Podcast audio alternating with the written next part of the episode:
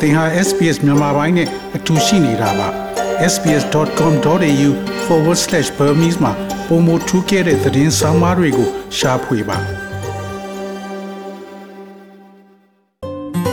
SBS မြန်မာပိုင်းကို အင်ကာနဲ့စနေနေ့ည10:00နာရီမှနားဆင်နိုင်တယ်လို့အွန်လိုင်းကနေလည်းအချိန်မီနားဆင်နိုင်ပါပြီ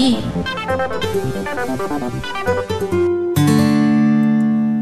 ဒေါက်တာမြင့်ထွန်းခင်ဗျာအခုလိုကျွန်တော်တို့ SBS Radio မြန်မာပိုင်းစီစဉ်နဲ့ Omicron နဲ့ပတ်သက်လို့ဆွေးနွေးပေးမဲ့အတွက်ကျေးဇူးအများကြီးတင်ပါတယ်။ပထမဆုံးအနေနဲ့ဒီ COVID-19 Omicron ကတခြား COVID-19 တွေနဲ့ဘာများကွာခြားပါလဲ။ ဟုတ်ကဲ့ခင်ဗျသူ့ကိုခုနပြောရဲ covid infection နဲ့ပြောတော့ virus အတမျိုးပဲပေါ့နော်ဒါပေမဲ့ကျွန်တော်ခုနပြောရဲမျိုးစိတ်ကွဲသွားတဲ့ဥစ္စာမှာသူကတော့ပြီးခဲ့တဲ့ဟောပေါ့နော်2000 2020ပေါ့နော်နိုဝင်ဘာလမှာစတွေ့ပြီး21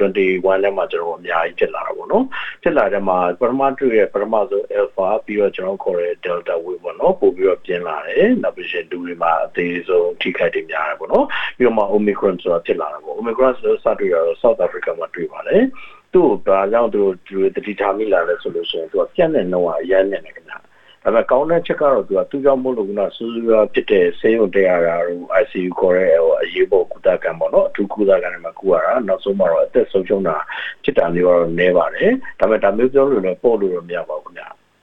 သူကကြတော့တကယ်လို့ကအသက်ကြီးလာလူပေါ့နော်အသက်ကြီးရဆိုက65နှစ်ထက်လူတွေနောက်တခြားယောဂရှိနေလူပေါ့နော်နောက်တစ်ခုတော့ကြတော့ကျွန်တော်ခေါ် institution ခေါ်တော့နာဇင်အောင်လိုအမျိုးလူတွေမှာနေရတဲ့လူတွေမှာဖြစ်ခဲ့မယ်ဆိုရင်တော့သူကကယောဂဆူရောဖြစ်ပြီးတော့အသက်အန္တရာယ်ဆုံးတဲ့ဒီဖြစ်စေတတ်ပါတယ်ခင်ဗျဟုတ်ကဲ့ Omicron မှာလည်း तू ကမျိုးကွဲတွေကအများကြီးရှိရလို့သိရပါတယ်။မျိုးကွဲတွေကဘာတွေပါလဲနောက်ပြီးအဲ့မျိုးကွဲတွေကဘလို့များတက်ရောက်မှုရှိပါတယ်လူတွေပေါ်မှာ ဟုတ်ဒီကတော့ကျွန်တော်တို့စောင့်ကြည့်နေပါတော့ B2 ဆိုတော့တစ်ထပ်ပြီးတော့ Omicron မှာတွေ့လာတယ်သူကခုနပြောတဲ့ပထမစခြင်း Alpha ပေါ့နော် Alpha B ကကျတော့ Delta ဖြစ်တယ် Delta ပြတ်နှုန်းကတလောက်ဟို Alpha ဆန်နဲ့မြန်လာတယ်ဒါပေမဲ့သူကပိုဆိုးတာ Delta တည်ရနှုန်းများတယ်ပေါ့နော်ဆိုတော့ဖြစ်တယ်ပြီးတဲ့ခါကျတော့ Omicron ဖြစ်လာတယ် Omicron ကျတော့ခုန Delta ဆန်လေးငါးစာပိုပြီးတော့မြန်တယ်ဒါပေမဲ့သူ့ကိုကျတော့ခုနဆိုးရကျွန်တော်ခေါ်တော့ virulent ဖြစ်တဲ့တောင်မို့ severe ဖြစ်တယ်ပေါ့နော်ယောဂလက္ခဏာဆိုးရမဖြစ်ဘူးဒီ Omicron မှာဒါပေမဲ့ဖြစ်ပေမဲ့နောက်ပေါ်လာတဲ့ဥစ္စာကျတော့သူကပြတ်နာလည်းမြန်တယ်လို့ပြောတယ်။နောက်ပြီးလို့ရှိရင်ကပြောရဲယောဂလည်းဆူရဖြစ်စေနိုင်တယ်ပေါ့နော်။ဒါကြောင့်သူကတော့နာဆန်တော့ Omicron ဆိုပြီးတော့နာမည်တက်ထားကြတယ်ပေါ့နော်။ဆိုတော့ဒါမဲ့ဒီကကျွန်တော်က WHO ကလည်းကျွန်တော်တို့ဒီဟာကိုတိကျမသတ်မှတ်သေးဘူး။ကျွန်တော်နိုင်ငံတွေကလည်းမနော် Australia ပါဝင်တခြားနိုင်ငံကြီးတွေကလည်း America တွေလည်းလေ့လာနေကြတာပေါ့နော်။ဆိုတော့ဒီဟာတကယ်လို့ဖြစ်လာခဲ့မယ်ဆိုတော့ကျွန်တော်ကနောက်ထပ် phase တစ်ခုပေါ့နော် wave တစ်ခုကိုရင်ဆိုင်ရဖို့ရှိပါတယ်။ဒါမဲ့ဒီကကြောက်စရာလည်းမလိုပါဘူးခင်ဗျာ။ကျွန်တော်ကခုနပထမဆုံးတွေ့တဲ့ ဟိုလွန်ခဲ့တဲ့နှစ်ကျော်လို့ပေါ့နော်90ကိုတွေ့ရမျိုးလို့ကျွန်တော်20မှာဖြစ်လာတဲ့ဟာမျိုးလို့ဟိုဘာမှမရှိပဲထိုင်နေတဲ့အချိန်မဟုတ်တော့ဘူးနော်ကျွန်တော် Australia ဆိုရင်ဒါ90ခန်းလုံးကျော်က dose နှစ်ခုနဲ့ဆိုထိုးထားပြီးပြီဟိုအများစုက third dose ပေါ့နော် booster dose ထိုးပြီးပြီ America England နိုင်ငံကြီးကနေဒါထိုးကြတယ်ကျွန်တော်ဗမာပြည်မှာတော်တော်များများထိုးပြီးကြတယ်နော်ဆိုတော့ခါကာကွယ်ဆေးနေနဲ့တိုးတက်လာသလို ကျွန်တော်ဩစတြေးလျမှာပဲတကဘာလုံးနည်းတူသူတို့ကိုကိုအတွက် antiviral ခေါ်တဲ့ဆေးပေါ့နော် combination ပေးရတယ်ကျွန်တော်အပြင်မှာတော့သိမသုံးသေးပါဘူးထူးထူးနာဇယ်မွန်လူနာတော့နောက်ဆေးရုံမှာဆိုသုံးဖို့ဆေးအတိုင်းအတာတစ်ခုတည်းရှိလာပြီပေါ့နော်ဒါကြောင့်မို့လို့ကျွန်တော်အရင်နဲ့ကြောက်ဖို့မလိုပါဘူးခင်ဗျာနောက်ပြောရ music တွေကတော့ကျွန်တော်တို့အမြင်ရှိနေမှာပါဒီနေ့တမလည်းတက်ရှိနိုင်တယ်နောက်လည်းရှိနိုင်တယ်လာတဲ့တူအောင်ပြောရရင်တော့ကျွန်တော် flu ဆေးလို့ပေါ့နော် flu ရဲ့ immunization ကျွန်တော် vaccine ထိုးတဲ့အခါမှာတစ်နှစ်မှာနှစ်ကောင်ပါတယ်နောက်တစ်နှစ်မှာသုံးကောင်ဖြစ်တယ်အခုနောက်ဆုံးကျွန်တော်ထူလာ၄ကောင်ပေါ့နော်ဒီပိုးလေးမျိုးမျိုးစိတ်လေးမျိုးကခုနပြောတဲ့တေပထမနှစ်မှာတွေ့တဲ့ပုံတွေပြီးကျွန်တော်ခွဲပြသွားတော့ဗောနော်အခုလည်းကျွန်တော်ကာဝယ်ဆေးမှာတွေ့နေလောက်အောင်ပါပဲ Omicron နဲ့ပတ်သက်လို့သူတို့ Pfizer ပဲသူတို့ထုတ်ထားပြီးပြီဒါပေမဲ့ကျွန်တော်ဒါကိုသုံးဖို့လိုမလို့ပေါ့နော်တခါ music ကွဲသွားပြောင်းဖို့လိုမလို့ဒါတော့ခုနပြောတဲ့ mRNA ခေါ်တဲ့ဟိုနောက်ပိုင်းတွေ့လာတဲ့ကျွန်တော်ထုတ်တဲ့ vaccine တွေအားသာချက်ပေါ့နော်အဲ့လိုပဲယူဆမှာပါခင်ဗျနောက်ဒီဆေးပညာရှင်တွေကအခု ကျွန်တော်တို့ဒီဆောင်းရာသီဩစတြေးလျမှာရောက်တော့မယ်ဆိုတော့ဒီဆောင်းရာသီမှာဒီ Omicron ကူးစက်မှုကပိုပြီးဆိုးဝါးမယ်လို့သတိပေးနေပါတယ်ဒါရောဟုတ်ပါလား ခုနကပြောလို့ပေါ့နော်ကျွန်တော်အတိအကျတော့သူတို့ပြောမှရှိတော့ကျွန်တော်ခုနပြောတဲ့အေးတဲ့နိုင်ငံတွေမှာဖြစ်များတယ်လို့သူယူဆတာပေါ့နော်အဲ့လိုပြောလဲခုနကပူတဲ့နိုင်ငံတွေ Middle East နိုင်ငံတွေမှာမဖြစ်မလားဆိုတော့လည်းဖြစ်တာပါပဲခင်ဗျာကျွန်တော်အာရှနိုင်ငံတွေဆိုရင်ဒါတမလို့ပေါ့နော်ပူတဲ့နေရာပိုများတယ်ဒါလည်းဖြစ်တာပါပဲအဲ့တော့ဒီဟာနဲ့က temperature နဲ့ပတ်သက်လို့ Omicron ဟိုမဖြစ်ဘူးမရှိပါဘူး Iceland လိုနိုင်ငံလည်းဖြစ်တာပဲပေါ့နော် Swiss လည်းဖြစ်တာပဲအဲ့တိုင်းတာပဲ ကွာပါတယ်ဒါပေမဲ့ကျွန်တော်ပူကြောက်တာကသိမကြဘူးပေါ့နော်ကျွန်တော်ဒီနောက်နှစ်လလောက်ပေါ့နော် March April လောက်ဆိုကျွန်တော်စပြီးတော့ flu season ရောက်တော့မယ်ဆိုတော့ကျွန်တော် flu immunization ခေါ်တာပေါ့နော်ကာကွယ်ဆေးထိုးရတော့မယ်ဒါပေမဲ့လူတွေကကြတော့ကျွန်တော်ခေါ်တဲ့ immunization fatigue ခေါ်တာပေါ့နော် vaccination ပြီးခဲ့တဲ့တစ်နှစ်လုံးလုံးဟိုရှင်းတိုင်ကနေအင်းဒီနေ့ထိကျွန်တော်အရန်လူတွေကိုပထမဒုစုထိုးကြပါဒုတိယဒုစုထိုးပါတက်ကြဒုစုထိုးကြပါဆိုတော့တိတ်မကြတဲ့နှစ်ပတ်လောက်မှာပဲနှစ်လလောက်မှာပဲကျွန်တော်ထပ်ပြီးတော့လူစီထိုးကြပါပြောတဲ့အခါကျရင် လူရမထိုးဝဲနေကြမှာစိတ်ပူရတာပေါ့နော်ဒါတော့ကြိုပြီးပြောနေကြတော့ခင်ဗျာခုနပြောလို့ဒီမှာတကြံနဲ့ဖြစ်လာနိုင်တာတော့သူတို့ပထမတွေ့တာတဲ့ flu နဲ့ဒီအာကိုရိုနာဗိုင်းရပ်စ်နဲ့တွေ့ပြီးဖြစ်တဲ့လူပေါ့နော်ပထမလူနာသူတို့တွေ့တာပြီဖြစ်တဲ့အခါကျတော့ကအသက်ဆုံးဆုံးတဲ့ဒီလူနာမဖြစ်ဘူးဒါပေမဲ့ကခံစားရတယ်ပေါ့နော်ဒါတော့ကျွန်တော်ကပြောတဲ့ champ ပေးချင်တာတော့ရှေ့ကျွန်တော်ခါရလို့ပဲ flu တွေရောက်လာတဲ့အခါမှာလည်း covid ဆေးထိုးထားပေမဲ့ flu ဆေးမထိုးလို့မရပါဘူးကျွန်တော်ထိုးဖို့လိုပါတယ်ခင်ဗျာဒါလေးကိုတတိထားဖို့လိုတာပါပဲ ဟုတ်ကဲ့အဲ့တော့တုတ်ကွေးရရာသီဒီ flu season ရောက်တော့မယ်ဆိုတော့ဒီ flu ဆေးထိုးထားပြီးပြီနောက်အဲ့ဒီ covid ကဝဆေးမထိုးရသေးတဲ့လူတွေကရောဒီ covid ကဝဆေးရော flu ဆေးရောနှစ်ခုစလုံးထိုးဖို့လိုပါလား လိုပါတယ်ခင်ဗျာကျွန်တော်ကပြောတဲ့ကိုဗစ်ကာကွယ်ဆေးကအများစုကတော့ကျွန်တော်သူတင်ဩစတြေးလျနိုင်ငံမှာတော့ထိုးပြီးကြပြီပေါ့နော်ဒါပေမဲ့မထိုးသေးတဲ့လူတွေရှိပါတယ်တချို့ကလည်းတစ်လုံးပဲထိုးတာတွေဒါပေမဲ့အလူနည်းစုတော့ဖြစ်သွားပြီပေါ့နော်တချို့ကနှလုံးပဲထိုးတယ်တတိယလုံးမထိုးရသေးဘူးပေါ့နော်ကျွန်တော်ကဒီအတက်ကြီးဆိုတော့ကျွန်တော်စီကဒီဆေးကာကွယ်ဆေးထိုးတာကိုထိတ်ချုပ်ထားတဲ့ authority ပေါ့နော်အစိုးရကအဖွဲ့အစည်းကကျွန်တော်တို့ဒါတွေအားလုံးကြောင်းတော့ပါပြီအခုဆိုလို့ရှိရင်ကျွန်တော်သုံးပတ်ပြီးရင်ထိုးလို့ရတဲ့အနေအထားရှိပါတယ်ဆိုတော့ခုနပြောတဲ့ဒီအားမထိုးရသေးဆိုရင်ကိုယ့်ရဲ့သက်ဆိုင်တဲ့ဆေးရုံဆေးကန်းတော့ဆက်သွယ်ပါကျွန်တော်ဒီဟာကိုဘယ်ဟာကိုထိုးလို့ရတယ်ဘယ်ဟာကိုဘယ်လောက်ခွာပြီးထိုးရမလဲဆိုတော့ညွှန်ကြားပေးလို့ရပါတယ်ခင်ဗျထိုးဖို့လိုလားမေးထိုးရပါမယ်ခုနပြောတဲ့လောလောဆယ်မှာကာကွယ်လို့ရတာဒီကိုဗစ်ဆေးကိုသုံးလုံးအစိုးရကျွန်တော်ကန်ကောင်းတာအော်စတြေးလျမှာဘယ်လောက်စီကြီးကြီးပေးထိုးရတဲ့အတွက်ကြောင့်ထိုးဖို့လိုပါတယ်ခုနပြောတဲ့ Pfizer ပဲထိုးလို့ Moderna ပဲထိုးထိုးပေါ်နေ Novavax ထိုးလို့ရှားဘဘလူတွေမှာ AstraZeneca ပဲထိုးလို့၄မျိုးရှိနေပေါ့နော်ဒီဟာတွေကဘယ်ဟာဖြစ်ဖြစ်ထိုးဖို့လိုပါတယ်ဒါပေမဲ့ Novavax ကတော့သူက third dose အနေနဲ့မပေးသေးဘူးနော်ကျွန်တော်စီမှာ approve လုပ်တာပြီးခဲ့လာမလုပ်တဲ့အတွက်ကြောင့်မလို့လောလောဆယ်တော့ Moderna နဲ့ Pfizer တို့မျိုး AstraZeneca ပေါ့နော်ထိုးဖို့လိုပါတယ်ခင်ဗျာဟုတ်ကဲ့အဲ့တော့ကျွန်တော်တချို့သတင်းတွေမှာဖတ်နေရတာက covid 19ကာဝဆေးတချို့တွေကနှလုံးထိုးပြီးပြီတချို့တွေကသုံးလုံးထိုးပြီးပြီဒီလိုထိုးပြီးတဲ့လူတွေမှာလည်း omicron ကကူးရုံမယ်လို့သိရပါတယ်အဲ့တော့ထိုးထားတဲ့ဆေးတွေက omicron ကိုတော့ကာကွယ်ပေးလို့မရတဲ့သဘောပါလား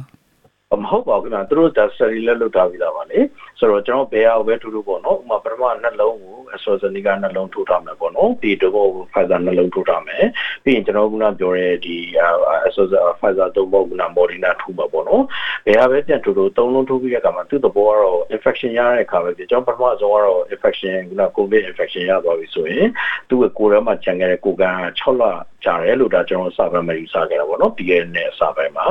နောက်ပိုင်းကျတဖြည်းဖြည်းသူတို့တွေ့လာတာ6လမတည်ကြဘူးတဖြည်းဖြည်းသူကကြာလာတယ်ကြာလာတယ်လူပြောင်းကြောက်ကြာတဲ့နှုံမတူဘူးနော်တချို့ကကြာတော့ဖြည်းဖြည်းကြာပြီတချို့ကမြင်မြင်ကြာတယ်ဒါတော့ကျွန်တော်ကစိတ်ဒုတိယစီကတ်တဲ့စီထိုးရမယ်လို့6လနဲ့9လရွှေ9လနဲ့4လရွှေနောက်ဆုံးမှတော့3လပေါ့နော်ဆိုတော့ဂျမ်မင်ပြောလို့ရတယ် infection ရတာပဲဖြစ်ဖြစ်ကျွန်တော်စစ်ထိုးတာပဲဖြစ်ဖြစ်အနည်းဆုံးကိုခဏထဲမှာ3လနဲ့6လတိကိုကန်းရှိပါတယ်ခင်ဗျာ လူပေါ်မူတည်ပြီးတော့တချို့က6လကျော်ကျော်ခံမယ်တချို့က3လလောက်မှကြာသွားတာပေါ့နော်ဆိုတော့ကြားတဲ့အခါမှာခုနပြောလို့ဥမာဆိုတော့ကျွန်တော်စိတ်ထိုးလိုက်တဲ့အခါမှာ90 92%တက်သွားတယ်ပေါ့နော်ဒီကကျွန်တော်နောက်3လကြာတဲ့အခါမှာသူက60 70ဖြစ်ကောင်းဖြစ်မယ်50 40ဖြစ်ကောင်းဖြစ်မယ်ပေါ့နော်အဲ့ချိန်မှာခုနထွက်လာတဲ့ omicron ကိုကျွန်တော်မကာကွယ်နိုင်ဖြစ်တာမျိုးပါခင်ဗျာခုနပြောလို့သူ့ရဲ့ဟိုဆေးရဲ့အားလေးပြန်မကာကွယ်နိုင်မှုပဲနဲ့ကိုယ်ခန္ဓာမှာရှိနေတဲ့ကိုယ်ခံစွမ်းအားကျသွားတာပေါ့နော် တော့ကျွန်တော်က booster ခေါ်တဲ့ဟာကိုထိုးလိုက်တဲ့အခါမှာကပြောနေတဲ့60ခွန်ဆိုကျွန်တော်90ကျော်ပြန်ဆွဲတင်လိုက်တာပေါ့နော်အဲ့ခါမှာနောက်တော့3လနဲ့6လတိပြန်ကာကွယ်သွားတယ်လို့ကျွန်တော်ယူဆတာပါခင်ဗျာဒါလည်းမှန်လည်းမှန်ပါတယ်အခုချိန်ဒီကျွန်တော်ဒီလက်ရှိ approve လုပ်ထားတဲ့ဆေးလေးမျိုးပေါ့နော်အဓိက3မျိုးရှိရ3မျိုးစလုံးကကျွန်တော်3လုံးထိုးလို့ရှိရင်ကာကွယ်လို့ပါပါခင်ဗျာ နောက်လာမယ့်ဥစ္စာကဝယ်မကဝယ်သူတို့စောင့်ကြည့်နေပါတယ်ဒီလိုကြောက်လည်းစောင့်ကြည့်လို့စိတ်ကုမ္ပဏီကလည်းစောင့်ကြည့်နေတယ်ကျွန်တော်နိုင်ငံဆိုရလည်းစောင့်ကြည့်နေတာပေါ့နော်ဒါတော့လောလောဆယ်ကျွန်တော်အနေနဲ့ first line defense ကာကွယ်ဖို့အကောင်းဆုံးကတော့လောကမထိုးရလူစထိုးကြပါတစ်လုံးပြီးရလူကနှလုံးထိုးပါနှလုံးပြီးရလူကသုံးလုံးထိုးပါ ကျွန်တော်စီမှာနောက်ဆိုလို့ရှိရင်က immunocompromised ကိုကိုကန်းကြားတဲ့လူလို့နောက်ဆုံးမျိုးလို့ဆိုရင်လေးလုံးထိထိုးရတယ်အောင်ရှိနေပါပြီအစိုးရလည်း approve လုပ်ထားပါတယ်ဒါပေမဲ့ general population ကျွန်တော်လူအားလုံးအတွက်ကတော့စစကျော်အားလုံးဒီသုံးလုံးထိုးဖို့လိုရတယ်တိတ်မကြခင်မှာကျွန်တော်ကလေးတွေကိုလည်းဖြစ်လာမယ့်အခြေအနေရှိပါတယ်ခင်ဗျာ လူတွေကြားထဲကိုသွားတဲ့အခါမှာဒီ omicron မကူးအောင်ဘာတွေများကာကွယ်မှုလုပ်လို့ရပါလဲ ဒါတော့ကျွန်တော်ရှေ့ပိုင်းเนี่ยပေါ့နော်စာရ စဖြစ်စင်ကာရ general advice with လို့ပေါ့နော်ကျွန်တော် mask တွေပေါ်မူတည်ပါတယ် mask တွေမှာလည်းခုနပြောရဲ UO fabric ကိုရဲပိတ်စနဲ့ဆွဆိုချုပ်တဲ့ mask တွေအတိုင်းတော့ကာဝပါတယ်ပြီးကျွန်တော်ကပြောတဲ့ surgical mask တွေပေါ့နော်ဒါဆိုရင်က percentage ပုံများလာပါတယ်ပြီးရင်တော့ကပြောတဲ့ N95 ခေါ်တဲ့ပို့ပြီးတော့ကောင်းတဲ့ဟာတွေပေါ့နော်ဆေးရလည်းကြီးသွားတာပေါ့နော်ဒါဘယ်လိုအားဖြင့် mask ကိုတက်တယ်ဆိုရင်ကိုကျွန်တော်ကကိုစီယာရှိနေလဲသူများမကူသူများလည်းကိုမကူပေါ့နော်ပြီးလို့ရှိရင်တော့သူပြင် public space တွေကပြောတဲ့ရထားတွေ bus ကားတွေလူများတူတဲ့နေရာသွားရင်ဝတ်ဖို့လိုပါတယ်ပြီးရင်ကျွန်တော်လက်ကူခဏခဏစင်ကြယ်စကြတဲ့စီဖို့လိုတယ်ပြီး hand sanitizer တွေကျွန်တော်လုပ်ဖို့လိုပါတယ်နောက်ကိုကိုရန်အမေမသားဖြစ်တဲ့နေမကောင်းဆိုလို့ရှိရင်အိမ်မှာနေဖို့လိုပါတယ်ဒီမှာတတ်မှတ်တဲ့ Australia ထုံးစံထုံးစံတိုင်း rest test or rapid antigen test စင်တာပေါ့နော်ပြီးရင်က positive ဖြစ်ရင်6ရက်နေမယ်ပြစစ်မယ်ဒါမှမဟုတ် symptom မရှိဘူးဆို9ရက်မှထွက်လို့ရတာပေါ့နော်ဆိုတော့ကျွန်တော်တဖြည်းဖြည်းနဲ့တော့ဒီတိုင်းသွားမယ်ကျွန်တော်တင်လာတော့က flu သဘောမျိုးပေါ့နော်ဒီတိုင်းဟာမျိုးဖြစ်မယ်ဒါ flu နဲ့နည်းနည်းကွာတာလို့လို့ဆယ် omicron အပါဝင်ကျွန်တော် coronavirus အလုံးကြီးဖြစ်ရင်လူအသက်ကိုထိခိုက်တဲ့နှောအများများနိုင်ပါတယ်ဒီစက်အသက်ကြီးတဲ့လူတွေယောဂရှိတဲ့လူတွေဒီလိုလိုမှဖြစ်နိုင်တဲ့အတွက်ကြောင့်ကောင်းဆုံးကတော့ကာကွယ်ခြင်းမှာကာကွယ်ခြင်းမှာခုနပြောတဲ့ချက်တွေပါသလိုကျွန်တော်စေတူကာကွယ်ဆေးရလည်းအဓိကပါပါခင်ဗျာခံလို့ဆိုတော့ကျွန်တော်နေထိုင်တဲ့နိုင်ငံဒီကာကွယ်ဆေးကိုလကားပေးရဲအစိုးရလည်းချက်တဲ့နေရာမှာထိုးရအောင်လုပ်ပေးတာပါခင်ဗျာဆရာဝန်ဆရာဝန် စေကနေမှာထိုးလို့ရသလိုဆေးရုံမှာထိုးလို့ရတယ် clinic တွေရှိသေးတယ်ရှိတဲ့ chemist ကိုဆေးရုံနဲ့ဆိုင်တွေမှာလည်းထိုးလို့ရပါတယ်အများဆုံးထိုးပါလို့တိုက်တွန်းလို့ရတယ်ခင်ဗျာဟုတ်ကဲ့ကျွန်တော်အတိတ်တယောက်ဒီမြန်မာပြည်မှာ Omicron သူကအရင်တော့ဒီ August လမှာတော့ဒီ COVID ဖြစ်ပြီးတော့နောက်သက်သာသွားတယ်ဒါပေမဲ့အခု January လထဲမှာ Omicron ကူးပြီးတော့ခံစားရတော့ချောင်းကအရန်ဆိုးတာကြောက်ဖို့တောင်ကောင်းတယ်သူဆိုးတဲ့ချောင်းကလေ နောက်ပြီးတော့အဲ့လိုချောင်းရမ်းဆိုးတဲ့အတွက်ကြောင့်ဒီသူဆရာဝန်ကပြောရတော့အစာအိမ်ထဲမှာဒီသွေးကြောတွေနည်းနည်းပြတ်သွားလို့သွေးရည်လည်းအာလို့ရှိရင်သွေးရည်လည်းပါလာတာတွေ့ရပါတယ်အဲ့မျိုးဖြစ်လာလို့ရှိရင်ဘာဆေးများတောက်လို့ရပါလဲ အဲဒီဟာကျတော့ခုနပြောလို့ပေါ့နော်ချောင်းဆိုးတာခုနကကျွန်တော် Omicron ပါဝင်ခုနပြောရ virus ကိုဖြစ်တယ်ဒီကို corona virus ကိုဖြစ်တယ်ပေါ့နော်ဒါပေမဲ့ကျွန်တော်ခုနကိုဒီ Omicron မှာတော့ချီရပရမဖြစ်တဲ့ alpha delta တို့လို့နာစီချောင်းဆိုးတယ်ခုနပြောရမျိုးဒီကောင်ဖြစ်ပဲသူကဖြစ်လက်ရှိရတော့ခုန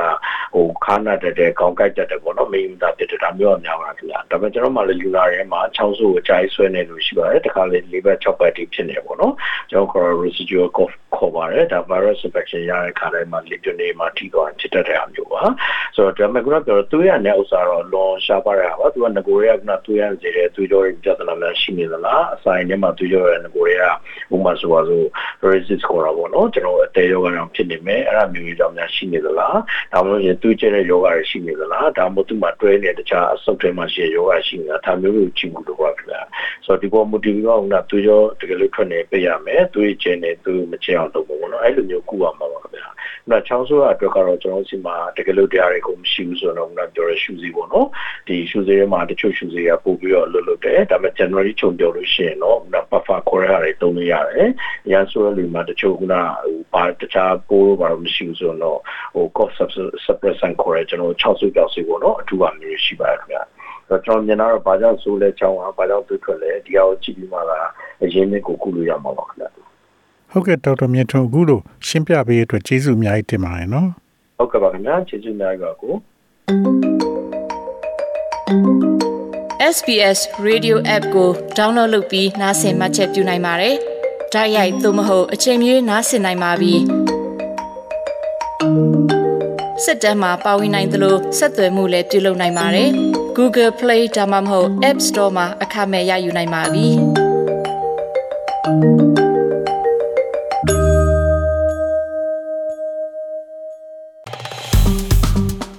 SPS မြန်မာပိုင်းကို Facebook ပေါ်မှာ like ရှာပြီး like မျှဝေမှတ်ချက်ပေးပါ